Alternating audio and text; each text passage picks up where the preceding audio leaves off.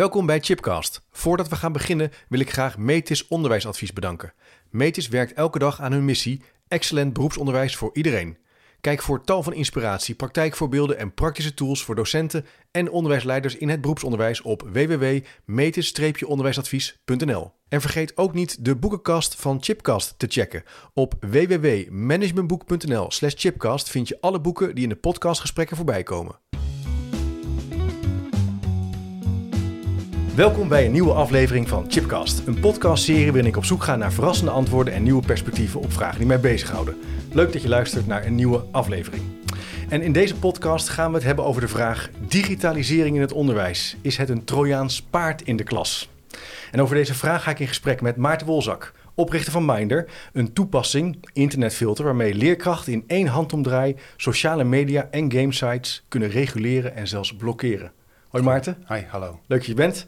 Fijn en dat ik uh, ja, naast jou zit uh, Gertie, Gertie Verrek. Jij bent uh, directeur van het Brein Centraal Leren Instituut en mede-auteur van het boek Van Brokkelbrein naar Focus. Mm -hmm. Veel gevraagd spreker en trainer over breinleren. Klopt. Nou, we gaan ja, toch wel een spannende en hele actuele vraag proberen ja, wat uit te pakken en te verkennen in deze podcast, in dit gesprek. Jullie hebben ook samen en met wat andere collega's een artikel geschreven. En dat was eigenlijk de aanleiding om eens ja, uh, op de lijn te komen en uh, dit gesprek uh, voor te bereiden en te gaan voeren. Ja. Um, maar misschien eerst even vooraf, Maarten. Jij hebt dus een, een toepassing gemaakt, een soort filter, ja. waarmee je dus als leerkracht eigenlijk alle games, alle sociale media kunt uitzetten of in ieder geval kunt reguleren. Ja, ja. ja. nou, kunt uitzetten tijdelijk. Dus Ja. het is een, gewoon een fysieke draaiknop. En dan kun je vijf standen zetten. En in twee van de drie van de vijf standen kun je wel gamen en social media.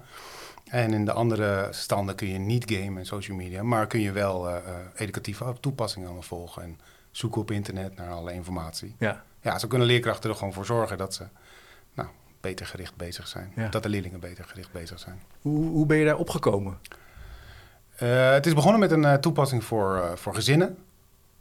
Um, vanuit een idee van, of uit, vanuit het probleem waar we allemaal tegenaan lopen, wat Ja. we allemaal zien. Um, en toen we, die oplos, uh, op, toen we dat hadden gemaakt, samen met uh, nou, toen al drie collega, twee collega's, uh, toen kwam de vraag uit het onderwijs van, hey, kun je dat ook voor in de klas doen bij mij? Ja. En daar zijn we mee aan de gang gegaan en daar hebben we, wat, nou, daar hebben we het eigenlijk voor verbeterd. En nu is dat heel goed toepasbaar daar. Ja. Ja. Dus je kunt echt letterlijk, dus eigenlijk heb je dus weer ja, regelkracht terug als leerkracht om te bepalen wat je wel en niet in die klas wil uh, exact, toelaten. Ja. ja, dat is echt de. Als je, ja, vroeger was, had je natuurlijk een boek ja. en dat gaf je dan, deelde je dan uit en daar stond dan informatie in over het vak wat je wilde leren. En achterin stond er geen uh, uh, spelletjes of, of, of, foto's of weet ik Nee, veel wat. Nee, nee. dat stond er allemaal niet in. Maar nu wel natuurlijk. Je geeft die computer Ja. en uh, de kinderen of de leerlingen kunnen zich natuurlijk richten op die educatieve toepassingen. Ja. Maar ja, een, een klikje weg is ook TikTok, is ook een, spelletje, is ook uh, Ja. Spelletjes.nl zag ik laatst nog in, tijdens een lesbezoek. Dan kan je heel snel even naar een andere pagina gaan en even vijf minuutjes uh, met Ja. zo'n autootje rijden. Ja. Ja, leuke spelletjes. Maar uh, ja, Gertie, uh, je hebt meegeschreven aan, het, aan die publicatie. Ja. maar jij bent ja, breinexpert. Ja. Uh, ja, digitalisering is dus een vorm van innovatie, techni- technologische ontwikkeling. Kan je niet tegenhouden. Mensen bedenken nieuwe dingen. Kan je iets zeggen over hoe het brein nou reageert op al die prikkels en die digitale producten, diensten die je kunt Ja. gebruiken? Dat is een Ja. grote vraag, maar Ja. hoe kijk je daar nou naar? Nou, kijk daarnaar. Van de ene kant is het natuurlijk fantastisch, al die mogelijkheden die er zijn. hè. Het feit dat we dingen kunnen verbinden, eh, dat we dingen op kunnen zoeken. eh, fantastisch. Eh, dus dat is prachtig. Ehm, de andere kant daarvan, en dat hebben wij in ons boek van Brokkelbrein naar Focus heel sterk proberen te belichten, is dat het eh, een enorm appel doet op aandacht. En dat is wel een voorwaarde bij leren en ontwikkelen. Dus, dus daar zit volgens mij de makker. Want wat je wil als leerkracht, is dat ze erbij zijn. Dat ze volgehouden aandacht hebben bij het thema wat je vertelt. Ja, En dat maakt het, eh, dat maakt het heel uitdagend. Want eh, die verleiders van, die, die, die maken het ook uitdagend om bij het thema te blijven. we kunnen niet meer dingen tegelijk doen. Even Nee. naar een telefoon kijken en dan weer naar de instructie. Nee, En dan weer even wat, uh, wat anders doen. Je hebt aandacht nodig om te leren. ja, je hebt volgehouden gerichte aandacht nodig. Multitasken kunnen we niet. Vrouwen overigens ook niet. Hè. Dat is ook zo'n uh, zo'n mythe die we hier meteen kunnen Ja. uh, ontkrachten. Maar dat gaat niet tegelijkertijd. Zo werkt aandacht Ja, niet. En dat maakt dat ja, we leven eigenlijk in een aandachtseconomie. Aandacht is enorm kostbaar. Ja. En hoe zorg je ervoor dat bij ja, die jongere groep je eigenlijk ook nog gerichte aandacht kunt, kunt hebben? Ja, ja. Om te kunnen leren. Moeten we goed over nadenken. Moeten we goed over nadenken, inderdaad. Ja, want ik, ik, in het onderwijs hoor ik ook wel heel sterk dat nou, docenten ook echt wel het gevoel hebben die aandachtspannen die vermindert. Die, uh, het wordt steeds uitdagender om überhaupt de aandacht te, te vangen. Nou, je hoort het ook van ouders. Zeker. En uh, voor ons boek heb ik ook heel veel leerlingen en studenten mogen bevragen. Ja, dat zag ik wel even, ja. Zij weten het zelf ook. Zij weten het zelf ook. Ja, ja zij weten zelf ook. Ze snappen prima hoe uitdagend het is. Uh, maar je hebt gewoon niet in de gaten als je wil beginnen met huiswerk en je denkt ik doe even een half uurtje gamen, gamen dat je anderhalf uur verder bent. Dat eigenlijk. Oké, dat ook al. Dus, dus je, gaat, je bent met een spelletje bezig of je bent digitaal iets aan het doen en daarna naar je taak toe. Ja. Je wil bijvoorbeeld je huiswerk maken. Dat heeft ook al een, een overgangsperiode en dat wordt dus minder efficiënt.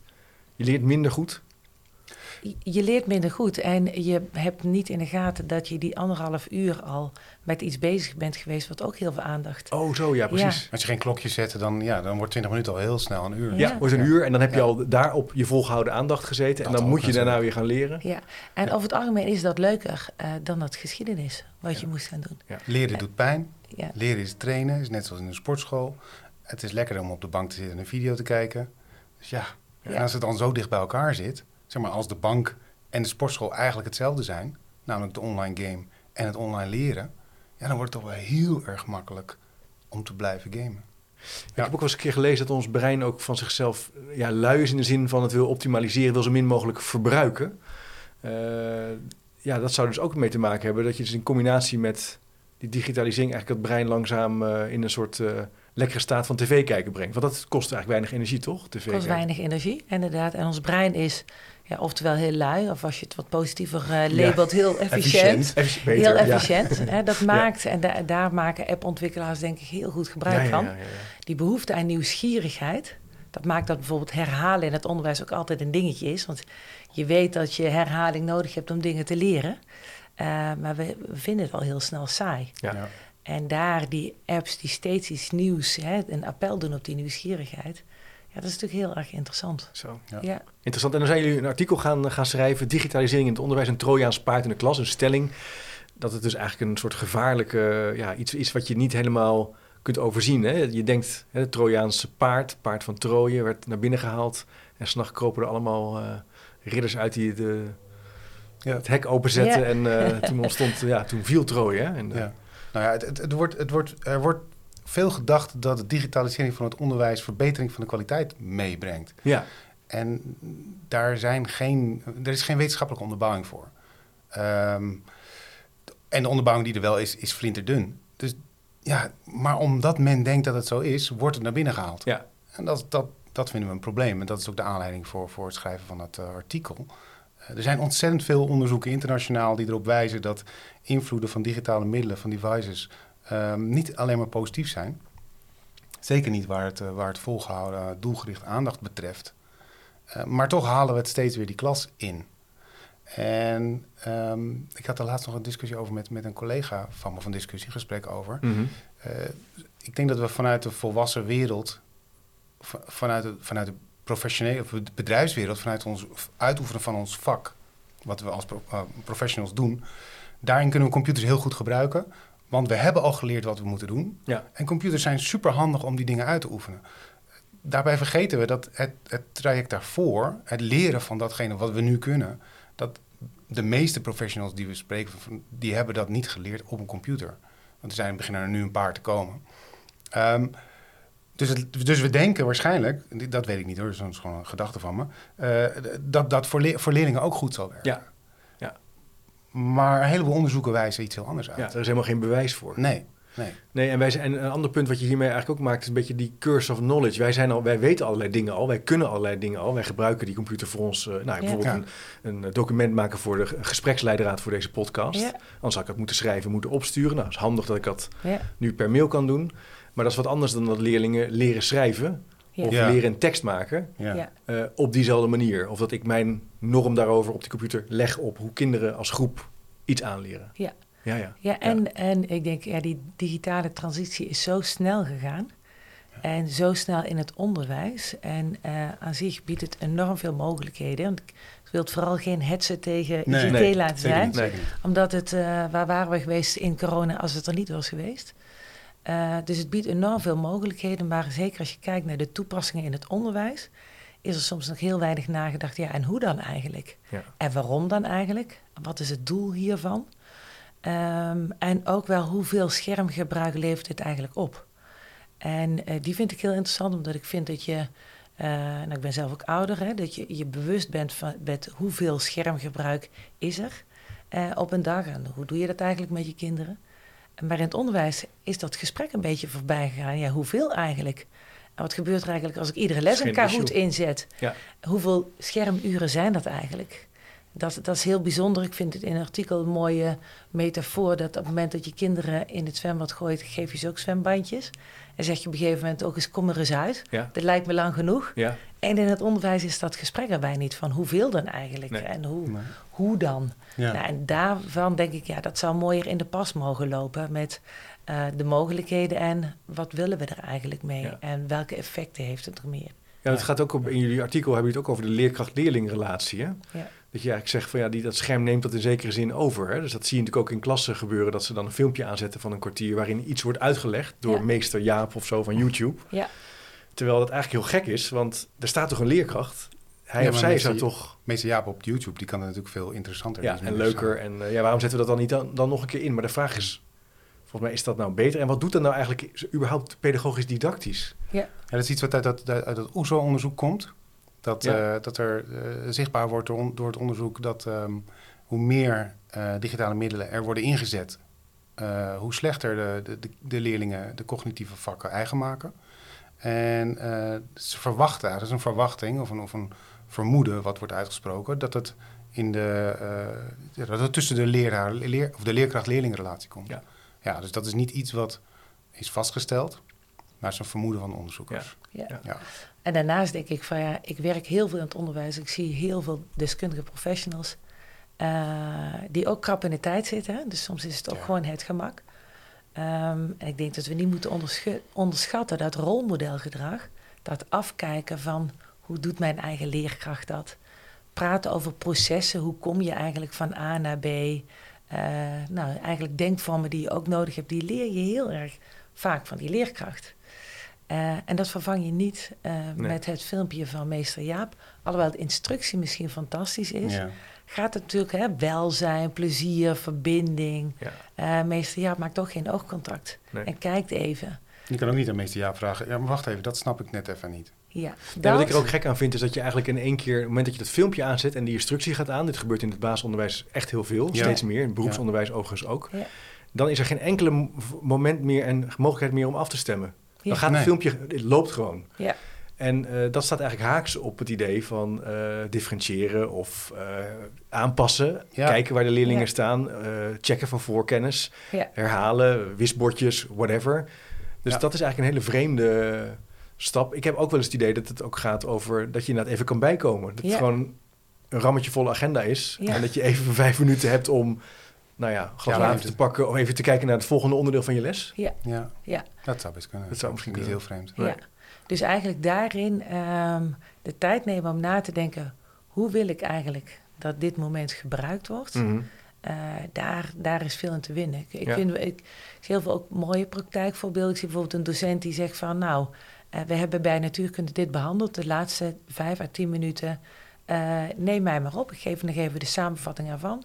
Je mag daarna nog vragen stellen en dit filmpje kan je thuis dan een keer kijken voor de toets. Bijvoorbeeld. Oh ja, dat is wel leuk. Dat vind ik een hele mooie manier. Hè? Dan zet je hem stapsgewijs op, dan begeleid je. Dan helpt het leerling heel erg, want ze zien jou, ja, ze zien die opname, maar ze, ze zien bijna ook nog in welke context ze in die klas zaten. Ja, je hebt de herinnering aan de activiteit. Je hebt de herinnering aan die activiteit. Je hebt ook nog de mogelijkheid om daarna vragen te stellen. Ik denk van ja, dat vind ik een hele andere vorm ja. dan klikmeester Jaap. Ja, ja, ja. ja. Hey, en leren, want steeds meer kinderen lezen ook op een scherm. In de zin van dat scherm, daar staat tekst op. En vroeger was dat in een boek. Ja. Wat, hoe, hoe, hoe kijken jullie daar dan naar? Is dat, uh, ik las vorig een paar weken geleden dat het ook slecht is voor de ogen. Dat steeds meer kinderen ja. een, een, bril uh, nodig hebben. Ik weet niet of dat is zozeer is. Of is dat ga ik dan te kort door de bocht? Dat denk ik, ik weet niet zeker. Want volgens mij is heel veel lezen van een boek ook heel slecht voor de ogen.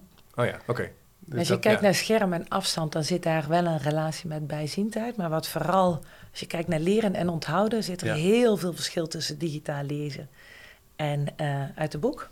Tja. En eh, we leren natuurlijk heel veel Tja. via de zintuigen. Dus Ja. als je kijkt naar regulier lezen, Nou, exact ook wat je net zegt over, over die leerkracht die zich laat opnemen en waar, waar je vervolgens als leerling een context bij weet en je weet nog waar je zat en je Ja. weet nog wat er gebeurde in die klas. Het is veel makkelijker om dat ook in je herinnering terug te halen. Ja. En als je iets eh, leest van een boek wat altijd dezelfde pagina is, ja, dan weet je ook niet meer waar het in het boek staat. En als je gaat scrollen, weet je niet of het boven of onderaan de pagina stond. ja. Terwijl dat heel En die, hè, dus, dus, dus die, die zintuigelijke informatie en die context, die ontbreekt veel meer. Ja. Eh, letterlijk het bladeren door het boek, hè. Dus gewoon Ja. dat soort zintuigen Je- worden gebruikt. ja, je, voelt het. soms ruik je het, als, Ruik als het boek al wat vaker gebruikt is. En er zit iets heel geks bij dat digitaal leren, lezen, door scrollen. En scrollen is echt iets anders dan lezen. Gaan we sneller lezen, alleen we verwerken helemaal niet sneller.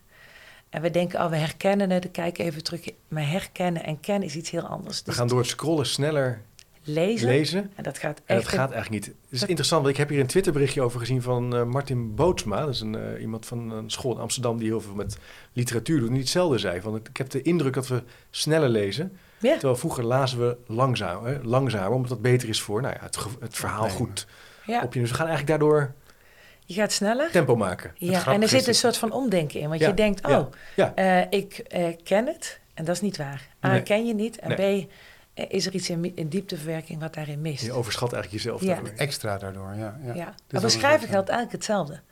Van hoe laat je aantekeningen maken? Eh, kun je daarin variëren? Omdat daar hetzelfde eigenlijk speelt hetzelfde proces. Ja. Ja. Ja, als je, moet- als je moet schrijven met de hand, dan moet je natuurlijk samenvatten, want je kan niet zo zelfs snel schrijven. Eh, daarnaast heb je de bewegingen, de fysieke bewegingen. Van, Ja. eh, Ja. Je moet de letters vormen. Eh, je moet nadenken over wat de persoon zegt. Ehm, dat zijn allemaal hersenprocessen die niet gebeuren op het moment dat je het gewoon eh, verbatim overtypt. Ja. Ja. En, je, en je zet het brein aan. Hè? Doordat je aan het selecteren bent, is je brein Ja. überhaupt anders Je bezig. brengt aan het Dus denken, is aan het je zet- processen. ja, dus, Ja. dus dat zijn allemaal dingen die, eh die toch Doe me ook wel een beetje denken, wat jullie nu zo zeggen over dat scherm. Ik was vorige week bij een, eh, een aantal lesbezoek gedaan, ook op eh, lagere klassen, waar leerlingen ook echt met kralen leren tellen en met blokjes, waar ook veel tactiele Ja. eh, ervaringen zijn. En dat is natuurlijk ook een hele belangrijke manier om ook om een begrip te krijgen, een idee te krijgen van, van zes of van acht Ja. of van Ja. acht Ja. plus vier. Dat? Maar dat is natuurlijk echt heel anders dan als je dat ziet op een scherm en je kan het dan opzij schuiven. Ja. Ja, het kan misschien een beetje trillen, maar het is natuurlijk veel minder dat je het in een bakje ziet. Je hoort het. Je, Ja. Ja. kan het ene met je, letterlijk met je hand til je het op. Je doet het in het andere bakje. Ja. Dat is misschien voor het brein ook. eh, Nou, als je kijkt naar eh zintuigelijke informatie, verwerken wij een andere kwabben. Dus die, op het moment dat wij meerdere zintuigen worden aangeboden, wordt de, de, leer eigenlijk, de leerervaring wordt gewoon rijker. En eh, dus op het moment dat je en-en doet, is prima dat je een soort van basis geeft digitaal. Maar als je het andere doet, ja, dan, dan maak je het zoveel rijker. Hm. En ik vond het wel mooi, want ik was vorige, vorige week was ik op een hogeschool aan het trainen. Toen zei ik van, goh, we eens even tien minuten... Welk werk, welke werkvormen deed je voor corona? Wat deed je toen? Nou, die hadden we echt binnen drie minuten hadden we die vol. En ook bijna van, oh ja, die waren we vergeten. Ja. Jeetje, toen deden we inderdaad die bouwwerk, deden we gewoon op die manier. Of het, zo Mm. van de tijd nemen om ook even te kijken welke werkvorm, welke manier. Of hoe Ja. kan ik dingen combineren? ja, in plaats van. Ja, waardoor het meteen in het geheugen zit. Ja. Ja. Ja. ik merk, je houdt ook een pleidooi voor zinvol, een zinvolle benadering, een doordachte benadering. Ja. En een, een, een combinatie van wat werkt te gebruiken, maar wel erover na te denken. Ja. En niet zomaar rukzichtloos het te implementeren. Maar er zijn natuurlijk ook eh, mensen die zeggen, ja, die mobieltjes. Al die kinderen hebben tegenwoordig eh, een mobieltje. La, laat- het, het, het is er toch wel, laat het maar ook de klas inkomen. Ja. Maar hoe, hoe kan, ja, ik kan maar al indenken hoe jullie ernaar kijken. Maar wat, wat voor risico's? We hebben het al een aantal risico's, directe risico's Ja. in de klas. Mhm. Maar er zijn misschien meer punten Ja, te noemen. Het is een onderzoek waarbij, eh, het staat ook in, het, eh, in de publicatie, eh, waarbij dus alleen maar de aanwezigheid van de telefoon op, eh, op het bureau ervoor zorgt dat kinderen 20% slechter presteren. Ja. Ik hou even van. Ja, heel verstandig. 20% slechter presteren op het werk wat ze doen. Gewoon alleen maar doordat hij daar ligt. Ja. Ja, Wat daar, wat daar vind ik echt bijzonder in is, want, eh, dat vind ik ook heel leuk als ik zelf werk met leerlingen, is om ze bewust te maken, iets van, goh, ook al, ja, want, eh, een leerling zegt heel vaak, ja, maar ik doe er helemaal niks mee, ik reageer er niet op. Maar op het moment dat die ping gaat, ook al doe je er niks mee, is je, ben je anderhalf minuut weg. ja, Heb ik ook. En dat hebben wij zelf ook, Ja. omdat je toch denkt, van wie is het en waar gaat Ja. het over? Ja. ja. Nou ja, die anderhalf minuut, die heb je gemist. Dan. Ja, dus dat is gewoon heel risicovol. Ja. Het is zonde om eigenlijk die leertijd... Ja, je, je, je- het is gewoon niet efficiënt, niet handig. Om de, maar het gebeurt wel natuurlijk. Hè? Ja, het, is, het, Het doet, ook iets, wel. met- doet, doet ook iets met de veiligheid. Maar er was net een, eh, op de radio een stuk over ehm, ehm, eten verzorgen voor leerlingen. Omdat er natuurlijk is eh, Ja. armoede. Ja. Ehm, maar op het moment dat je een situatie creëert waarin kinderen niet hoeven na te denken over, de over buiten of over thuis, hoe moeilijk het daar is, of over eh, wat er met je vrienden gebeurt, over die en die hebben, eh, hebben beef met elkaar. Als je daar allemaal niet over na hoeft te denken, want die trilling komt niet, dus je kunt dat gewoon even vergeten. Dan heb je ook veel meer aandacht voor wat je, kunt leren, wat je aan het leren bent. Ja. Dat scheelt natuurlijk ook. Het komt weer het punt van aandacht naar voren eigenlijk. hè. Die, Ja. die digitalisering is eigenlijk... Die, die maakt die aandacht langzamerhand kapot. Die beïnvloedt dat op een negatieve manier. Als je daar... Als we daar niet, als we daar Als niet we goed niet- mee om leren gaan, Hè, dan wordt het een paard van Trooien. ja, dat Ja. denk ik wel. Ja. Ja. Ja. Ja. En ik denk nog wel dat je echt heel goed kunt kijken in welke fase. Eh, als ik bijvoorbeeld kijk naar eh smartphoneverbod op, eh, in primair onderwijs, dan denk ik van ja, als je kijkt naar uitrijping van het brein, Ja. denkvaardigheden, executieve vaardigheden en eh, de mogelijkheden die je in primair onderwijs als leerling hebt om te sturen, ja, dat is gewoon nog niet af. Dus daarin helpt het denk ik om kordaat, liefdevol te begeleiden en te zeggen niet in die klas. Ja. Dan wil je- niet zeggen dat je niet wat kunt meegeven over Nee. wat doe je dan eigenlijk thuis? Hoe Ja. doe je dat dan eigenlijk met Ja. je huiswerk? Ja. Ja. Dat niet, maar het helpt wel om daar soms ook een grens te Maar trekken. overschatten we leerlingen dan ook niet een beetje? Want net zoals bij reflecteren, dat krijgt ook zo'n hele grote rol. Steeds Ja. groter, hoor. de leerkuil, hè, al hele Ja. jonge leeftijd. Ik heb ook eens gelezen ja, dat, dat kinderen daar ook wel heel veel moeite mee hebben om dat te snappen. Omdat het gewoon nog, ja, ze zijn gewoon klein. Ze kunnen nog niet consequenties goed overzien van hun gedrag. Sommigen misschien wel. Sommigen misschien wel, maar een Ja. groot deel ook gewoon niet. Nee. Ja. Ja. Nou, reflecteren kun je leren, denk ik. Ja, Maar- ook al vanaf je... Ja, ja. maar, kan natuurlijk maar, heel klein maar- beginnen. Klein maar- beginnen. En, je, eh, en het helpt om rekening te houden met de werking van het brein. Ja, En niet dingen naar binnen te gooien waar je gewoon op dat moment nog niet aan toe bent. nee. Ja. Je kan natuurlijk ook gewoon tegen leerlingen zeggen... joh, neem morgen je mobieltje mee. Gaan we er iets leuks mee doen? Dan gaan we daar wat over leren.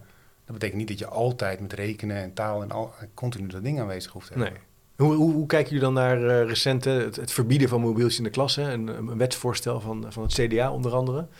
Of van het CDA, wat niet heeft gehaald. Nee, wat ik heel jammer vind... Ja, wat ik heel jammer vind is dat het... Ja, het niet heeft gehaald nog. Nee. Zijn ze, volgens mij zijn ze er nog over in gesprek. Of is het helemaal van de baan? Het voorstel werd volgens mij eh, niet, eh, heeft geen nee, dat meerderheid is waar. gekregen. Maar, Maar, het is nu wel... Dennis Wiersma er ook over aan ja, er is wel dusdanig veel ophef over ontstaan. In die zin Ja. is het een succesvol eh, initiatief geweest. Ja. Ja, Want er is heel er veel op- over gesproken. Ja, er wordt heel veel Ja. over gesproken nu. En je merkt dat het wel echt onderwerp van gesprek is. Ja, Ja. wat ik jammer vind is dat het niet verder gaat. Dat ze zeggen, tot, het voorstel tot nu toe was niet in de klas, tenzij educatief. Eh, maar buiten de klas mag het wel. Ja. Terwijl juist wa- wat jij al eerder vertelde over eh, scholen waar het ook buiten de klas niet mag. eh, dat je daar juist in Ja. de pauzes heel veel interactie ziet tussen jonge mensen en die daar heel veel leren. Ja, je vertelde dat, ja. Ja. Een school waar je was geweest. Ja, nou wij werken inderdaad voor scholen die al een smartphone-vrij beleid hebben. Als je Ja. kijkt naar prestaties, zie je dat die omhoog gaan. Als je docenten vraagt, dan zeggen ze ook van ja, wat wij zien, meer focus, meer aandacht, minder afleiding.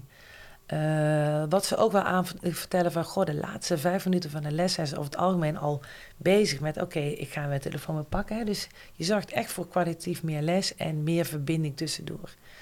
Ehm, wat je ziet op die scholen is op het moment dat je niet met die mobiel zeg maar door je eh, gangen loopt, is dat er ook daadwerkelijk iets anders gebeurt. Meer Ja. gesprekken ontstaan. Ik zie op sommige scholen inderdaad eh tafeltennistafels of airhockey. Nou, op de mid- gemiddelde mi- middelbare school zit iedereen in die aula toch Mm. redelijk aan het mobieltje.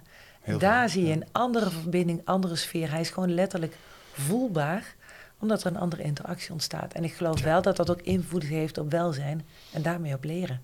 Ja, ja ik denk het ook. Ik denk ook dat het, een, dat het heel belangrijk is, omdat eh, iemand schreef eh, in, in- op, als, als reactie op een van onze blogs... ehm, ja, waarom moet ik in vredesnaam eh, op school omgaan met mensen die ik niet kies... terwijl ik via mijn telefoon gewoon kan, contact kan hebben met mijn vrienden. En die, daar denk ik hetzelfde, die, wij denken hetzelfde en wij kunnen het goed vinden met elkaar. Waarom moet ik het, eh, wat, wat moet ik doen met iemand waarmee ik het helemaal niet kan vinden... die ik belachelijke standpunten vind hebben? Nou ja, eigenlijk onderschrijft dat heel sterk, dat argument, dat het dus wel moet. Dat het juist Ja. belangrijk is Dat om, het juist om belangrijk andere is. mensen te ontmoeten. En Ja. ook als het gaat over een inclusieve samenleving. En ook verschillende opvattingen, Ja. mensen tegenkomen Ja. die andere opvattingen hebben. Ja. Zou je juist zeggen, ja, Ja. juist belangrijk. als je leerlingen vraagt, wat vind je er nou van? Ja, ja. En eh, dan zeggen die van... Over dat verbod? over dat verbod. Ja. Dan zeggen die over het algemeen, nou, ik zeg er heel erg tegenop, valt eigenlijk wel mee. Ja, en dat we, met z'n dat allen, omdat we met z'n allen doen, Ja. eh, was eigenlijk zo erg net niet. Eh, wat ik hoor is van, ja, we kunnen geen foto's meer maken. Dat is ook een soort van manier waarop wij tegenwoordig onze geschiedenis, hè, dat. En ik denk dat voor smartphone-vrije scholen het ook helpt om bewust te zijn van... Goh, er zijn ook leerlingen die wat minder sterk zijn in de interactie. En die normaal in de aula wel eens, nou, dan terug kunnen... Dan kun je zitten met dat mobieltje. Hoe ga je daar dan eigenlijk mee om? Dus, hoe, Ja, ja. ja, dus ook dat een stukje begeleiden en meegeven hoe doe je het thuis. Eh, van hé, hey, hier doen we het zo. Dus ook daarin helpt dat stukje metacognitie denk ik wel. Eh, Interessant, hè? Ja, ik moet even denken aan... eh, een tijdje geleden luister, luisterde ik naar een podcast van Joe Rogan. Daar was die, eh, was, waren jongens van de Social Network, die, Oh ja. die, die serie over sociaal netwerkgebruik. En, mhm. en dat waren, die zeiden toen van ja, we zijn eigenlijk terechtgekomen in een situatie waarin wij een soort hypermodern algoritme hebben. We weten precies hoe wij, wie we moeten bereiken en hoe we dat moeten doen. We weten ook hoe lang we dat moeten doen. Maar ons brein is eigenlijk nog vrij prehistorisch. In de zin, wij kunnen daar bijna geen weerstand Ja, aanbieden. En dat weten we. We weten ook hoe dat werkt. En hij zei, dat vond hij een hele gevaarlijke eh, combinatie. En hij ging zelfs zover dat zijn kinderen volgens mij niet naar een school gingen waar op een tablet werd gewerkt. Dat vond ik heel opmerkelijk. Ja. Maar ik ben geen breinexpert. Kan je iets zeggen over die, hoe dat brein reageert op, op dit, soort, dit, dit soort prikkels zoals zo'n telefoon? Zoals, ja. Ja. ik noem even TikTok of korte shorts. eh, Ja. Veel prikkels. Je hebt er een paar dingen even in het begin over gezegd, maar misschien kun je toch iets meer Ja. uitpakken? Nou, eigenlijk hebben we drie breinsystemen. We hebben een denkbrein, eh, een, een reflexbrein en een archiverend brein, zeg maar een pauzebrein. Dat denkbrein dat is nog volop aan het uitrijpen bij, eh, bij leerlingen, bij jongeren. En nog niet klaar. En dat denkbrein vraagt eigenlijk, dat is een soort van manager van je hoofd. En die heeft echt gerichte aandacht nodig. Dat reflexbrein, eh, dat gaat eigenlijk als vanzelf. Dus die hoeft geen moeite te doen. En die is eigenlijk continu op zoek naar beloning. Wat is er hier leuk? Waar ben ik nieuwsgierig naar? Eh, en eigenlijk op zoek naar do dopamine kick- kicks. Als we ons plezierig voelen op het moment dat je like krijgt, eh, dan ontstaat er een soort van beloningje en ons beloningscircuit in het brein gaat aan. Dat is eigenlijk fun. Gedeeltelijk kan je daar als leerkracht ook gebruik van maken. Als iets leuks is, bij wijze van spreken, als, het interessant is, dan, dan stroomt dat stofje ook. Eh, wat het gevaarlijk is, dat als je continu op zoek bent naar dopamine kicks, dat je bijna niet bij volgehouden aandacht en voldoening aankomt. En dat heb je ook nodig. Als je kijkt naar bijvoorbeeld, eh, als je kinderen bevraagt van waar heb je dat nodig? In sport, om bijvoorbeeld bij het voetballen die oefening echt onder de knie te krijgen, dat is iets anders. Hè? Dat, Ja. dat je uiteindelijk door lange training ook iets bereikt. En door steeds die korte kicks eh, kom je daar niet. Je leert Eh, niet volharden. Je, je weet- leert niet door te zetten. Ja, en dat betekent op het moment dat ik thuis bezig ben met mijn huiswerk met een lastige wiskundeopgave, dat ik denk, ja, ik weet het niet hoor. Ik ga even scrollen, ik ga even iets anders Even, doen. even afleiden. Ja, Of ik geef het op. of Want ik je- geef het op. Dat gebeurt sneller dan. Ja, het gebeurt Ja. sneller. Ja. En, die, do- die, en daarin, zeg maar, eh, dus, con, dus ja, eigenlijk eh een smartphoneverslaving is ook een soort van continu op zoek zijn naar die dopamine kicks. En die quick fixes, ja, die voelen steeds, maar die, die na twee minuten weten ook ook uit, moet er weer iets anders komen. Ja, er, er- er ontstaat niks natuurlijk. Je bouwt niks op. Het is niet dat, Ja. je, dat je een jaar later nog denkt, oh, dat heb ik goed gedaan. Nee, je hebt gewoon een jaar naar kattenfilmpjes zitten kijken. Ja, Ja. Ja. ik heb ooit een paar jaar geleden een boek over managementverslaving geschreven. Oh, ja. En dan heb ik ook veel ja, experts geïnterviewd over hoe verslaving eigenlijk werkt. Om die metafoor als het ware op eh, bepaalde processen in managementland eh, te leggen.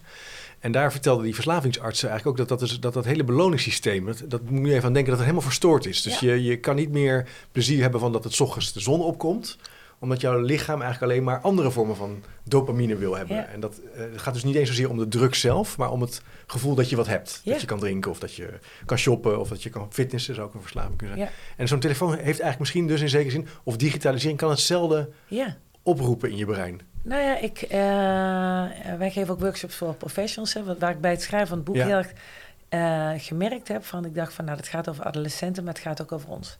En docenten zeggen, wij zijn zelf ook heel erg verbrokkeld. Als je kijkt naar het smartphoneverbod in auto's op de fiets... Ja, dat is echt hartstikke goed. Ja. En toen zei laatst een van de docenten, die zei... Ik merk, merk eigenlijk zelf dat als ik bij een stoplicht sta... dat ik de neiging heb meteen mobiel... omdat ik denk, ja, die vijf seconden. Dat heb ik ook.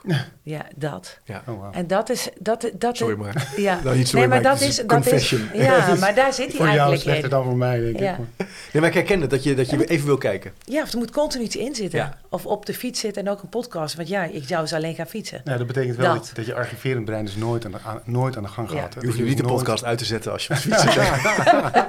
nee, je, sorry, je maakt je gedachten af. Ja, je Ja. archiverend brein gaat dan nooit aan de gang. Ja. Als je Ja. elk stil moment Ja. opvult met iets anders, dat is juist het moment waarop de ideeën ontstaan. Ja. Omdat je archiverend brein dan dus al die nieuwe informatie die Mm. je net hebt opgenomen, Mm. gaat plaatsen in, in- tussen al die andere informatie die je al hebt. Dan worden er nieuwe links gemaakt, Ja, ja, ja. daar komen de ideeën uit. Ja, als je daar geen tijd voor neemt, dat betekent ook dat, dat de informatie die je net hebt opgenomen niet hecht. Dat is ook de reden waarom eh, leerkrachten soms zeggen van ja, maar als ik, als, ik, als ik denk dat ze niet opletten en ik stel de vraag, dan weten ze het toch. Terwijl ik zeker weet dat hij zat te gamen. Ja, dat komt omdat het nog in je, in je, in je, in je Ja. actuele brein zit, zeg maar. Maar als die, die leerling niet de tijd neemt, vervolgens niet de tijd krijgt om dat ook te verwerken en op te slaan, ja, dan is die, die toets over drie maanden, is- dan is alles weer weg. Ik moet even denken aan een podcast die ik eerder met Joop Berding heb opgenomen. Die eh, onder andere over Cornelis Verhoeven een eh, boekje heeft geschreven. En die had het ook over het punt tussen de relatie tussen leerkracht, leraar en het, en het vak en de inhoud. Maar ook het punt van stilte en rust. Dus dat er ritme zit in een schooldag. En dat we de neiging hebben om het heel erg vol te stoppen, heel druk te maken. Maar dat eigenlijk onderwijs ook gaat over een vorm van verstilling en vertragen. Ja. En ritme. Maar als je natuurlijk constant, nou even dat idee van die telefoon pakken op je fiets bij het stoplicht, dat kan dus ook in dat onderwijssysteem door. Ja. Ja, je hoort, je hoort ook best wel vaak dat, eh, dat ehm, eh, leerkrachten ook de computer aanhalen of eh, gebruik van games aanhalen om kinderen te belonen. Dan hebben ze goed gewerkt, hebben ze Ja. hun Ja. toetsen gedaan. Nou, fantastisch, ze zijn wat eerder klaar, dus dan mogen ze lekker even gamen. En ik snap dat. Ik, bedoel, ik ben vader van drie, van drie kinderen, dus ik snap hoe dat werkt. Ja, Maar tegelijkertijd, door, doordat je dan weer die computer erbij pakt, in plaats van dat je de kinderen even een bordspel laat doen of even iets, iets functioneels, iets met eh, iets fysiek Ja. laat doen, ja, daardoor verdwijnt het ook weer sneller. Ja. ja. En, daar, en daardoor ga je weer extra boven de, de adviezen wat betreft schermtijd natuurlijk. Ja, die, Ja, dat en, is ik, ook- en, en wat denk ik ook helpt, is dat je, eh, dat je leerlingen leert pauzeren. Ja. Ehm, en dat helpt. En daar, volgens mij, dat was voor mij de grootste eye-opener in het boek. Daar vroeg ik eh, docenten van, nou, hoe doe je dat op het gebied van eh, korte pauze, micropauze, pauze van een paar minuten. Eh, en dan kreeg ik de vraag, nou, jij bent zeker geen docent, want ik heb 50 minuten, dus daar heb ik dus echt geen tijd voor. Eh, om, om een pauze te doen. En daar was ik echt. En toen Ja. zei ik, en hoe doe je het eigenlijk voor jezelf? Als je van de een naar de andere les. En je hebt wel eens dat de les niet zo lekker ging, hè? Waardoor je eigenlijk met lijf sta je in de ene klas, maar met je brein zit je eigenlijk niet in die andere. Van hoe dan? En ehm, nou, daar, volgens mij is daar gewoon ontzettend veel over bekend. Van korte Wat- rustpauzes. antwoord eh, eh, weinig bewustzijn. Weinig bewustzijn op Doorlopen. inderdaad. En ja. wij bieden, wij- ik bied in- het boek heel veel micropauzes aan. Hè? Ja. Twee minuten met de hoofd op de armen, gewoon eens liggen. En Oké, wat hoe kunnen we dat doen als je nu luistert? Micropauze met je hoofd op je armen. Ja, gewoon. bijvoorbeeld, je, Dus je kan gewoon even- Alsof je, of je even vroeger gewoon op je tafel lag en uit het raam staarde. Ja, Ja. oké, dat. Dus echt even gewoon een minuutje, even twee minuutjes. dat doen. En wat doen. ik heel mooi vind, hè, dat is een van de docenten bij Saxion Hogeschool, die zegt van, in het begin is het natuurlijk lachen, en denken leerlingen, wat hebben we nu aan, aan mijn fiets hangen? Ja. Eh, maar op een gegeven moment gaan ze erom vragen. Ja. Want het is echt wel Het intensief. is wel lekker. Je moet Het even een beetje denken aan die powernaps, waar eh, ook wel Ja. onderzoek naar wordt gedaan. Dat schijnt toch ook eh, te Ja. werken, hè? dat dat een goed effect 20 heeft. minuten slapen. Niet te thuis, lang, eh, zo, Ja. 20, zo onder de 20 minuten zo. Zoiets toch? Ja, Te lang niet, want dan kom je echt in je slaap. Dat is, schijnt ook weer niet goed te zijn. Ja, maar zelfs korter, als je kijkt naar Ja, ja. eh, eh, breaks van een paar minuten, wat die doen met stresshormonen als cortisol en, en adrenaline. En eigenlijk gaat er in zo'n korte pauze, en eigenlijk weten we het zelf, hè? Ja, Als je even naar de koffie loopt, heb je samen een le- leuk Ja. idee. Maar, Tenzij je dan je, je, je mobiel erbij maar niet zo gek toch dat me- in de, er is grote aandacht voor meditatie, mindfulness. Ja. Dus dat is volgens mij tegelijkertijd ook een schreeuw of een roep en een zoektocht naar aandacht, naar Ja, overspanning, onderspanning, verstilling. ja, En het risico is dus met, met, met al die digitalisering dat je eigenlijk de hele dag aanstaat. dat, dat Maar is dat een, eigenlijk dus, je staat aan de ene kant, dat vind ik eigenlijk echt interessant, de hele dag aan. Maar het leren gaat eigenlijk helemaal niet zo goed. Het leren gaat helemaal niet zo goed. En ehm, eh, bijvoorbeeld als je kijkt naar die, naar die rustmomenten. Je hebt momenten nodig dat het, dat het netwerk even door mag sudderen. Waardoor je op een nieuw idee of dat je denkt... hé, hey, hoe verhoudt dit vak zich eigenlijk met dat andere? Of hoe kan ik dit eigenlijk plaatsen of van de vorige keer? Je de Koppelingen. koppelingen maken. Eh, dat lukt niet. En, en ik snap heel goed waarom docenten zeggen van nou dan even vijf minuten op je mobiel. Want dat is hartstikke leuk. Ja. Hebben zij Maar als je kijkt naar je les, kan je net goed doorgaan. Ja. Maar Ja. eh, ehm, eh, misschien even een andere vraag. Als je nu eh, in de trein zit, of je zit in de bus, of je kijkt op straat naar jongeren, dan zit, zitten natuurlijk heel veel jongeren op een telefoon. Ja. Zijn er is ook een tegenbeweging hoor. Ik zie ook wel echt Ja? jongeren Ja, die die, actief kiezen voor... Eh, Ja. Die ook dan die, die in, het, in de trein zitten. Hey, joh, doe even dat ding weg. En Ja, Dus je bent, ben je positief over de, over de toekomst? In de zin van, hoe, ki- hoe ik kijk ben je? positief over jongeren, zeker. Ja, Ja, oké. ja, maar ja, ehm, ik, nou, ik vrees wel dat, dat de technologie eh, een grote, grote winst gaat maken. Ja. ja. ja. Oké. Hm. Hm. Ja, sorry. Nee, En, en wat, wat, wat, wat... Dus op hersenontwikkeling, dat punt hebben we nu wel hebben we echt even besproken.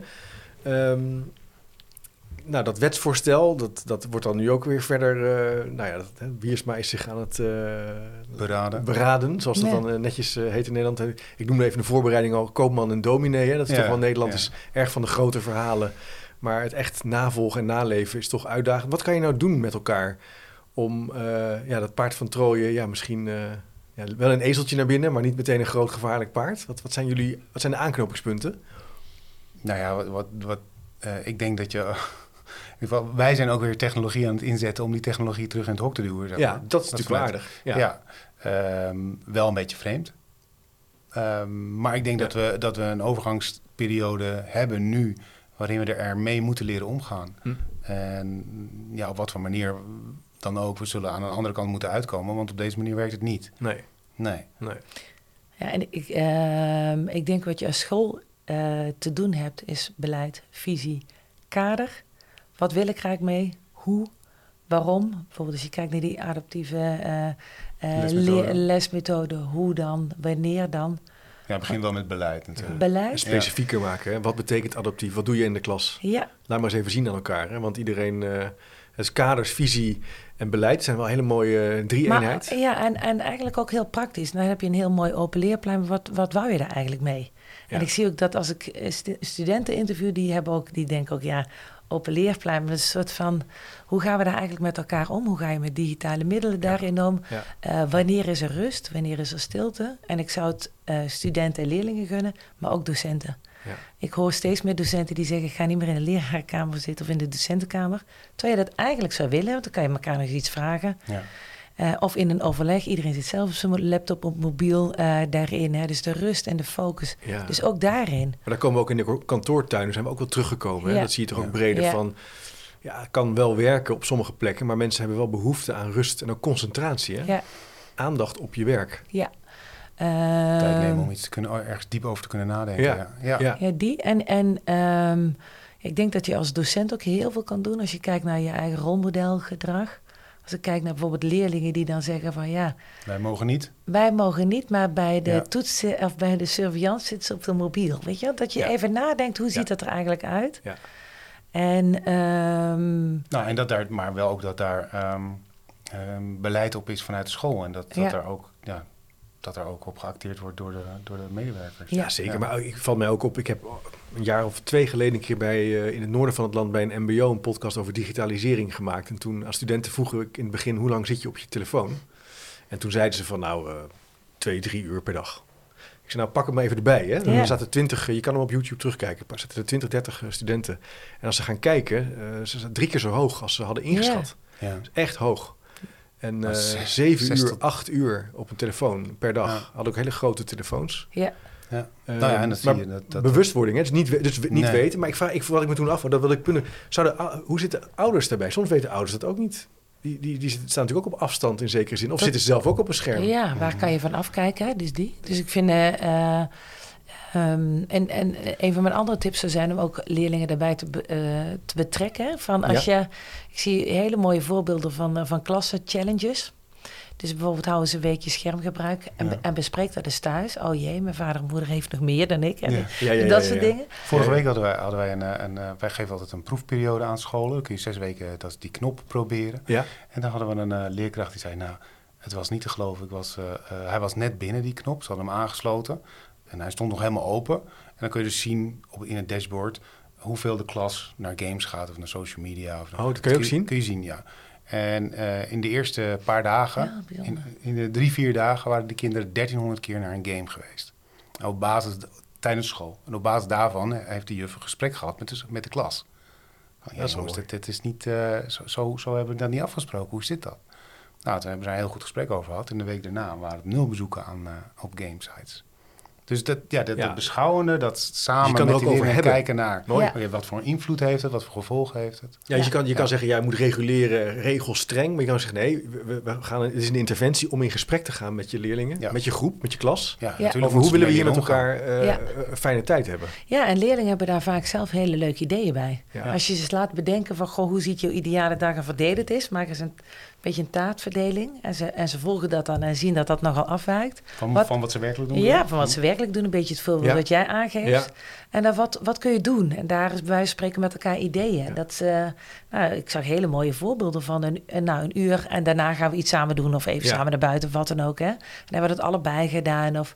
En meer op die manier. Ja. Dan denk ik Maar van ik denk heel ook dat we- leuk om het daar... Mooi hoor, mooi voorbeeld. Want ik denk dat wij komen ook uit een tijd misschien... Ik denk dat we dat een beetje achter ons aan het laten zijn... waarin we heel lang hebben gezegd...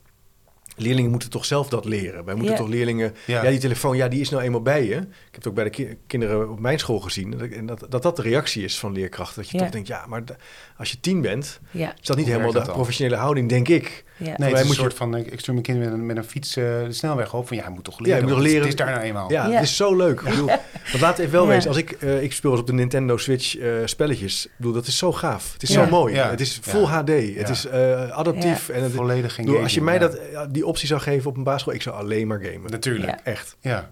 Ja. Ik zou me echt niet kunnen, kunnen inhouden. Nee, en ik wil daar nog wel twee dingen op noemen. Als ik eh, leerkrachten, wat ik op middelbare scholen soms zie, is het is gekoppeld aan niveau. Dus bijvoorbeeld HAVO, VWO hoeft niet de telefoon in de bovenbouw in de telefoontas en het MAVO, VMBO wel. En dan denk ik, wat, ze zijn beide 16, 17. Het Ja. is, het- er is geen koppeling met intelligentie en, en beheersing. En wat me opviel in het Ja, HBO... sorry, er is geen koppeling tussen intelligentie en zelfbeheersing. Nee, het, de- het is dus niet zo. Je moet dit gewoon leren. Ja, iedereen krijgen dit voor, leren. iedereen moet dit gewoon leren. Ja, Dus verwacht niet dat als je in 4 VWO zit, dat Dat- het makkelijker is. dat, dat, dat je dat gewoon vanzelf nou, kan. en even, Nee. Ik heb eh, bijvoorbeeld ge- gekeken bij eh, de Timmermansopleiding op een MBO-opleiding. er worden prachtige kasten gemaakt. Er zit niemand op zijn telefoon. Nee, Terwijl nee. natuurlijk op de universiteit bij mij, als ik college geef, Alle mogelijkheden toe. Dus ik denk juist dat Ja. die misschien wel beter leren om dan aandachtig een mooie kast te maken. ja, maar eh, het onderscheid is natuurlijk idioot. is idioot. En ook als je kijkt naar beroepsonderwijs of universiteit. Je hebt hiervoor gekozen, dus je zal het wel kunnen beheersen. Dat is een iets te snelle Ja. aanname. Ja, ja, nee, dat lijkt me ook gek zeg. Ja, Het is Ja. net zoiets als zeggen, eh, je hebt hiervoor gekozen, dus je zult wel gezonder eten. ja, Dat is net zo'n soort eh, ja. Ja. vreemde Ja, aanname. dus daar moeten we toch go- goed over nadenken. Ik vind ook wel mooie voorbeelden van... eh, heel veel scholen hebben gehad, bring your own device. Hè? Ja. En Ja. dan wat dan met dat device? En de, misschien dezelfde mbo in eh, het noorden van het land die zei van... het eerste kwartier gaat nergens meer een laptop op tafel. Wij beginnen gewoon met verbinden. De doelen Hmm. van de les kan ik prima Tuurlijk. uitleggen zonder, Zonder dat je dat Schrijf ze op een bord in hemelsnaam. dat. Zo Ja. van, Wat ik bring dus zie op scholen, ook in het beroepsonderwijs, dat probleem met bring your own device, wat er dus gewoon de praktijk is, dat je de eerste 12 minuten, 15 minuten bezig bent met eh, batterij, accu, inloggen, codes kwijt, geen abonnement. Bij de les krijgen. wel les krijgen. En, en, de, en wat er ook da- daarna nog gebeurt, is dat je didactisch niet instructie gaat geven of geen kennis gaat overdragen. Maar je bent aan het praten over de procedure om op het Ja. systeem Oh, te ja. Terwijl Ja, dat je primetime is. Ja, Ja. dus die digitalisering doet ook iets heel geks. Zouden we eigenlijk nog een keer een andere aflevering over moeten maken. Maar dat vind ik, terwijl we het over pra- praten, moeten we dat echt een keer uitdiepen. Ja. Is dat we eigenlijk daardoor geen kennis meer overdragen, maar praten over. Ja. Procedures overdragen Ja. eigenlijk. Ja, En dat is heel gek. Dat is een heel eh, gek verschil, ja. maar het is heel duidelijk voelbaar in, in klassen. En het is heel duidelijk in rendement waarneembaar. in rendement waarneembaar. En als je Ja. dan, je hebt maar drie kwartier eh, tijd, nou daarvan hou je een half uur, oh, moet je toch wel een beetje, Ja, ja, misschien toch gewoon een krijtbord. En dan af en toe gewoon lekker op je telefoon. Ja, of, of inderdaad, nou, als je laptops nodig hebt, laptops die beheerd worden door school. Zodat je Bijvoorbeeld. precies weet wat er op tafel gaat, precies weet hoe het werkt. Ja. Eh, Ja, in plaats van je eigen tablet. Want ja, ja, dat daar staan ook al je games op. Dat is, daar heb je ook een associatieve netwerkenprobleem. Het is exact hetzelfde ding als wat je, waar, waar je s'avonds thuis mee aan het gamen bent. Dus 's ochtends Ja. vroeg nog voordat je naar school gaat, was je nog een game aan het Zit je op spelen op ding nog? Ja. En dan doe je hem open en dan moet het ineens een, een leerapparaat zijn. Ja. Ja, zo werken hersens natuurlijk ook niet. nee. Hey, nog een laatste thema wat ik even nog zou willen bespreken. Zijn indirecte risico's eh, die ook in het artikel worden genoemd. Zoals bijvoorbeeld slaap. Ja. eh, en emotionele aandacht. Daar is natuurlijk heel veel, eh, wordt er gesproken over blauwe schermen en zo. Blauw licht. Oh, sorry, blauw licht? Ja, ja, ja. Er, Eh, zitten natuurlijk, er zitten cellen in je ogen en die zijn gevoelig voor blauw licht. Ja. Blauw licht eh, heb je in de ochtend, dus dan word je wakker. Dan wordt er geen melatonine meer aangemaakt. Ja, dus dat zit ook in, in LED's, zeker in goedkopere LED's. Maar dat zit niet alleen in schermen. Het zit ook in LED-lampen eh, overal waar Ja. je LED-licht gebruikt. Ehm, heb je ehm, eh, meer last van, eh, van de slechtere slaap. Dus ook wel, een- het staat niet hierin, heeft er niet direct mee te maken, maar een onderzoek geweest dat blinde mensen, die hebben minder lampen aan. Dus die hebben minder problemen met, met verstoorde aanmaak van melatonine. Interessant. Ja, die, en als je kijkt naar psychosociale, je beantwoordt nog wat appjes en je hoort de pingetjes Ja. nog binnenkomen. Ja, Dat is heb je net die vriendin niet beantwoord. Je bent zo 40 minuten blijkbaar verder, dus die. En als je net een game hebt gedaan, ja, dan zit de adrenaline nogal hoog. Hè? Dat slaapt ook net wat minder lekker. Dus Oh ja. ook die... Je ook denkt die, misschien, ach, relax een spelletje. Maar Ja. in feite is dat brein gewoon vol gas, Ja, staat hij aan. ja. En over dat e- emotionele, dat is een... ehm, Ja. Dat is een ander punt wat je eh raakt. Hè. Ik vind het heel mooi als je kijkt naar onderzoeken eh, bij kinderen die een paar dagen zonder mobiel zijn geweest. Die, eh, die zijn ineens gevoeliger voor, voor hoe gaat het eigenlijk met jou? Inschatten. Ja. Ja, en inschatten is echt iets wat je, dat zit in die denkvermogen. Hè? Ja. Kijken van hoe gaat het met jou? Je Eh, gaat beter kijken. je gaat gewoon beter Ja. kijken en opletten daardoor. Ja, en wat ook, waar het ook heel duidelijk wordt volgens mij, is, is wat, wat eh, nu naar boven komt. Hè, de, de, de angststoornissen en depressieve gevoelens onder jongeren zijn onverminderd aan het groeien. Ja. Eh, men had verwacht dat, eh, wel had verwacht dat het tijdens corona natuurlijk erger zou worden, vanwege isolatie en dergelijke. Eh, maar het gaat gewoon door. Ja. Ehm, en terwijl tegelijkertijd zeggen mensen, ja, ze hebben toch de hele tijd contact met elkaar via devices. Hoe kun je dat combineren met, ehm, ehm, we hebben verwacht dat, dat, die, dat die sociale stoornissen zouden groeien. Als dat hetzelfde effect zou Ja. hebben. Als je dus op een device contact hebt met iemand, als dat dezelfde voldoening, sociale voldoening geeft als direct eh, fysiek contact, ja, dan zou er toch geen stijging in zijn tijdens een Ja, isolatie. de hypothese die ik dan heb is dat je staat constant in verbinding met anderen. Dus er is ook altijd druk? Ja, dat ook nog. druk van doe ik het goed? Ben ik hier, is dat internaliserende gedrag, internaliserend of externaliserend? Ja. Wordt misschien groter dat je hem toch meer op jezelf gaat eh, betrekken. En daar kan je last van krijgen. Daar kan je last van krijgen. Doe ik het wel goed? Ja, Ja. Maar goed, dat is, Ja, dat nog, is ook inderdaad wat, iets wat er uit een onderzoek Ja, komt. ja. Dat eh, ja, kinderen die dus, ik geloof, eh, zeven uur, vanaf zeven uur Ja. per dag eh, eh, voornamelijk eh, op social media zitten, of in ieder geval op een scherm zitten. Dus eigenlijk de kinderen waar jij het over, de leerlingen waar jij het over hebt, dat die een hogere mate van afhankelijkheid van goedkeuring van hun peers hebben. En dus ook hypersensitief gaan worden in een latere leeftijd. precies. Alles moet goedgekeurd worden. Ja. Ja. En, en als je dat sterk naar binnen eh, gaat eh, betrekken, ja, dat, dat, is- dat, dat, dat schijnt Ja. ook wel gecorreleerd te zijn aan, eh, aan depressief kunnen worden of slecht zelfbeeld. Hè. Internaliserend gedrag versus ja, eh, zeggen van ja, jij bent stom. In plaats Ja. van dat je zegt, oh, ligt aan mij. ja. Ja. Als het constant aan jezelf ligt door al die social media. Ja. ja. Goh zeg, wat interessant. Ja, hier kunnen we natuurlijk wel gewoon nog wel strak een paar uur over doorpraten. Maar ehm, eh, dat artikel kunnen we gewoon lezen. Hè? Die ga ik even op de speaker notes eh, zetten. Dus als je nu luistert en je wil eh, daar meer over weten, dan kunnen we dat gewoon, eh, dan kan je dat Ja, kun gewoon je doen. gewoon downloaden. Ja, kan je gewoon Ja. downloaden. En ik wil ook nog even eh, het boek eh, wat je hebt geschreven met Geanne Dirksen en Theo Kompernolle. Ja. Het is al een tweede editie inmiddels, toch? Ja, Ja, tweede editie, tweede editie. wordt nu gedrukt. Ja. Wordt nu gedrukt, dus die Ja. kan je is ook even ook op de boekenplank zetten, boekenplank zetten van, van Chipcast, van brokkelbrein naar focus. Volgens mij een mooie verrijking eh, van, van dit gesprek. Ik, eh, ik zou denken, ja, laat het even doorsudderen. Ja, als we zo op het eind van de podcast komen, dat is belangrijk. Dus eh, misschien even de podcast uitzetten en lekker even in stilte hierover nadenken. Eh, en ook beter leren kijken. Dat is misschien ook een mooi punt om Ja. eh podcast mee af te sluiten. Dankjewel voor jullie tijd.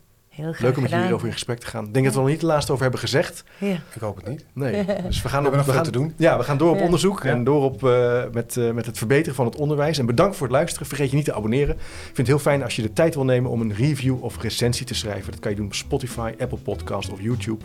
Hoe eerlijker, hoe beter. En dat helpt de zichtbaarheid van het kanaal. En ik zou zeggen, tot de volgende keer. Dank je. Dank. Nieuwsgierig naar meer? Abonneer je op de nieuwsbrief en je mist niks. Ga naar www.chipcast.nl slash doe mee. Wist je dat er op chipcast.nl meer dan 200 afleveringen over onderwijs, samenwerken, innovatie, verbetermanagement, leiderschap, organisatieverandering en filosofie te vinden zijn? Blij met deze podcast? Je helpt Chip enorm met een review of recensie op Spotify of Apple Podcast. Je kunt trouwens alle gesprekken op YouTube bekijken. En vergeet je dan niet te abonneren. Tot slot nog even dit. Management Boek heeft ook een podcast. de boekenpraktijk over managementboeken. Check ook deze podcast via je favoriete podcast app.